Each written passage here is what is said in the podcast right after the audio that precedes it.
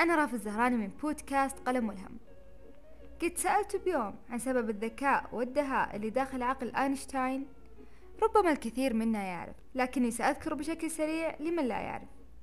أينشتاين شخص مصاب بالتوحد بالإضافة إلى أنه عنده إعاقة خلقية بفصين المخ. الفص الأيمن متصل بالفص الأيسر. الفص الأيمن المسؤول عن الإبداع والخيال والفص الأيسر هو مسؤول عن المنطق والرياضيات. غالبا الأشخاص الطبيعيين يشتغل عندهم فص واحد فقط فإما يميل للمنطق أو يميل للإبداع بالإضافة إلى أنه اجتماع الفصين معا يعتبر تشابك عصبي كبير التشابك العصبي الكبير يعطينا مرور سريع للسيالات العصبية وبالتالي يزيد من معدل الذكاء.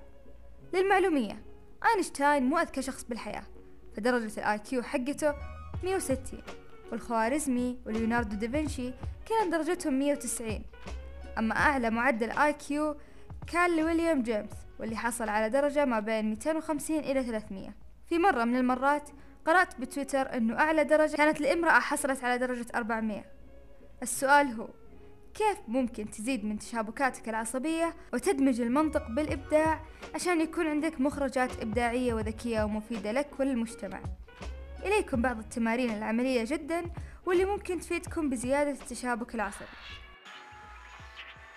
التمرين الأول وهو أول ما تصحى من النوم.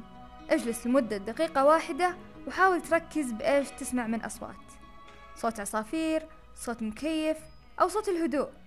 اسمع فقط لمدة دقيقة واحدة وبعدها سوي اللي تبيه. وهذه الدقيقة راح تكون بمثابة استثمار لباقي يومك لأنك راح تكون أكثر تركيزا.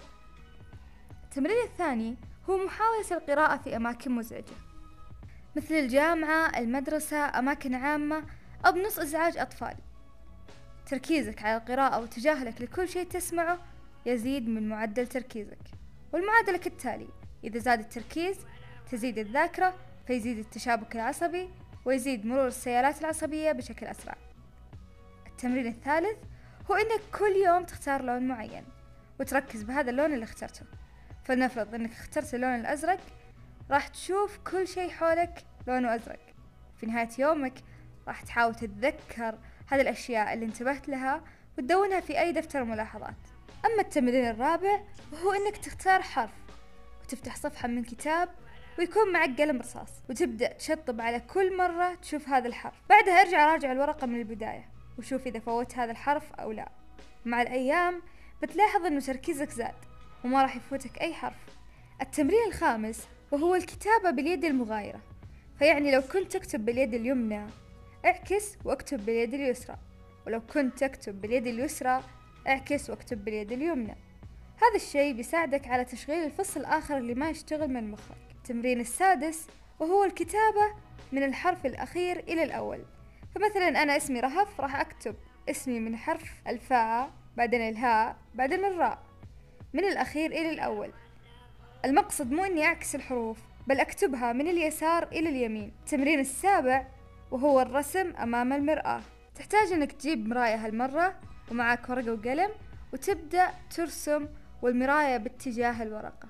ابدأ ارسم أي رسمة تحب ترسمها ولكن تكون تشوف المراية بدال الورقة. أما عن التمرين الثامن هو إنك تاخذ أي كتاب وتقلبه رأسا على عقب وتقرأ الكلمات وهي مقلوبة. راح تواجه صعوبة بتمييز الأحرف المتشابهة مثل الجيم والخاء الياء والتاء النون والباء لكن مع التمرين راح تقدر تميزها وتتعود عليها. التمرين التاسع والأخير هو أكثر شيء أسويه هو إني أفرش أسناني باليد المغايرة زي تمرين الكتابة. هو أكثر شيء لاحظت تأثيره علي. ممكن لأنه كنت في استمرارية مع هذا التمرين. لأكون أكثر صدقا معكم هذه التمارين كلها كوم وأفكارك عن مخك كوم آخر. أحد الأشياء اللي لاحظت فعاليتها على حياتي بالوقت اللي ما كنت أعرف فيه كامل إمكانياتي كنت أقول لنفسي قد لا أكون ذكية بما يكفي لكن عندي نقاط قوة وهي إني سريعة جدا بتعلم المهارات وذاكرتي جدا قوية مستحيل أنسى أي موقف لأي أحد وإنهم يسموني جمل ولكن على الأقل يقيني بهذا الشيئين خلاني أوقف أحكام على نفسي وإني أقلل من قدراتي لدرجة أعطتني نتيجة مبهرة. في مرحلة من مراحل عمري قد قالت لي معلمة أنه عندي صعوبات في التعلم ولدرجة إنها حطتني مع طالبات عندهم فعلا صعوبات تعلم كانت أعمارهم العقلية أصغر من أعمارهم الفعلية. فصدقت آه، كلامها عني واعتقدت إني غبية فعلا وما أقدر أفهم زي باقي الطالبات. وقتها اختبرت اختبار آي كيو وكانت درجتي من ستين إلى سبعين ومكتوب بجانب الدرجة متخلف عقليا. صدقت هذا الكلام عني لفترة طويلة إلى أن تمسكت بنقاط قوتي. ممكن ما حد يصدق هذا الكلام اللي أقوله الآن لكن مع يقيني بنقاط قوتي ونسياني لهذا الكلام اللي انقال عن عقلي اختبرت آخر مرة وكانت درجتي مية وتسعة وأربعين بتصنيف عبقري. بمعنى أنه ما بيني وبين أينشتاين إلا 11 درجة تقريبا. تمسكي بنقاط القوة اللي امتلكتها وإني شخص يفكر بشكل إبداعي طلعت مني العديد من الإنجازات. وأبسطها هو إني مسجلة ثلاث براءات اختراع. خلاصة الكلام. فكر بما تمتلك من نقاط قوة. تمرن ذهنيا ولا تفكر قد إيش أنت تمتلك من مجموع درجات. فكر بكيف ممكن تستغل هذه المهارات. كيف ممكن تساعد نفسك. وتقدر تنتج إبداعك الخاص. متأكدة بأنه في كثير ممن يسمعوني أذكى بكثير. لذلك يا أصدقاء قلمي الملهم. لا تسمحون لأي أحد يحجم من قدراتكم العقلية ولا لأنفسكم حتى.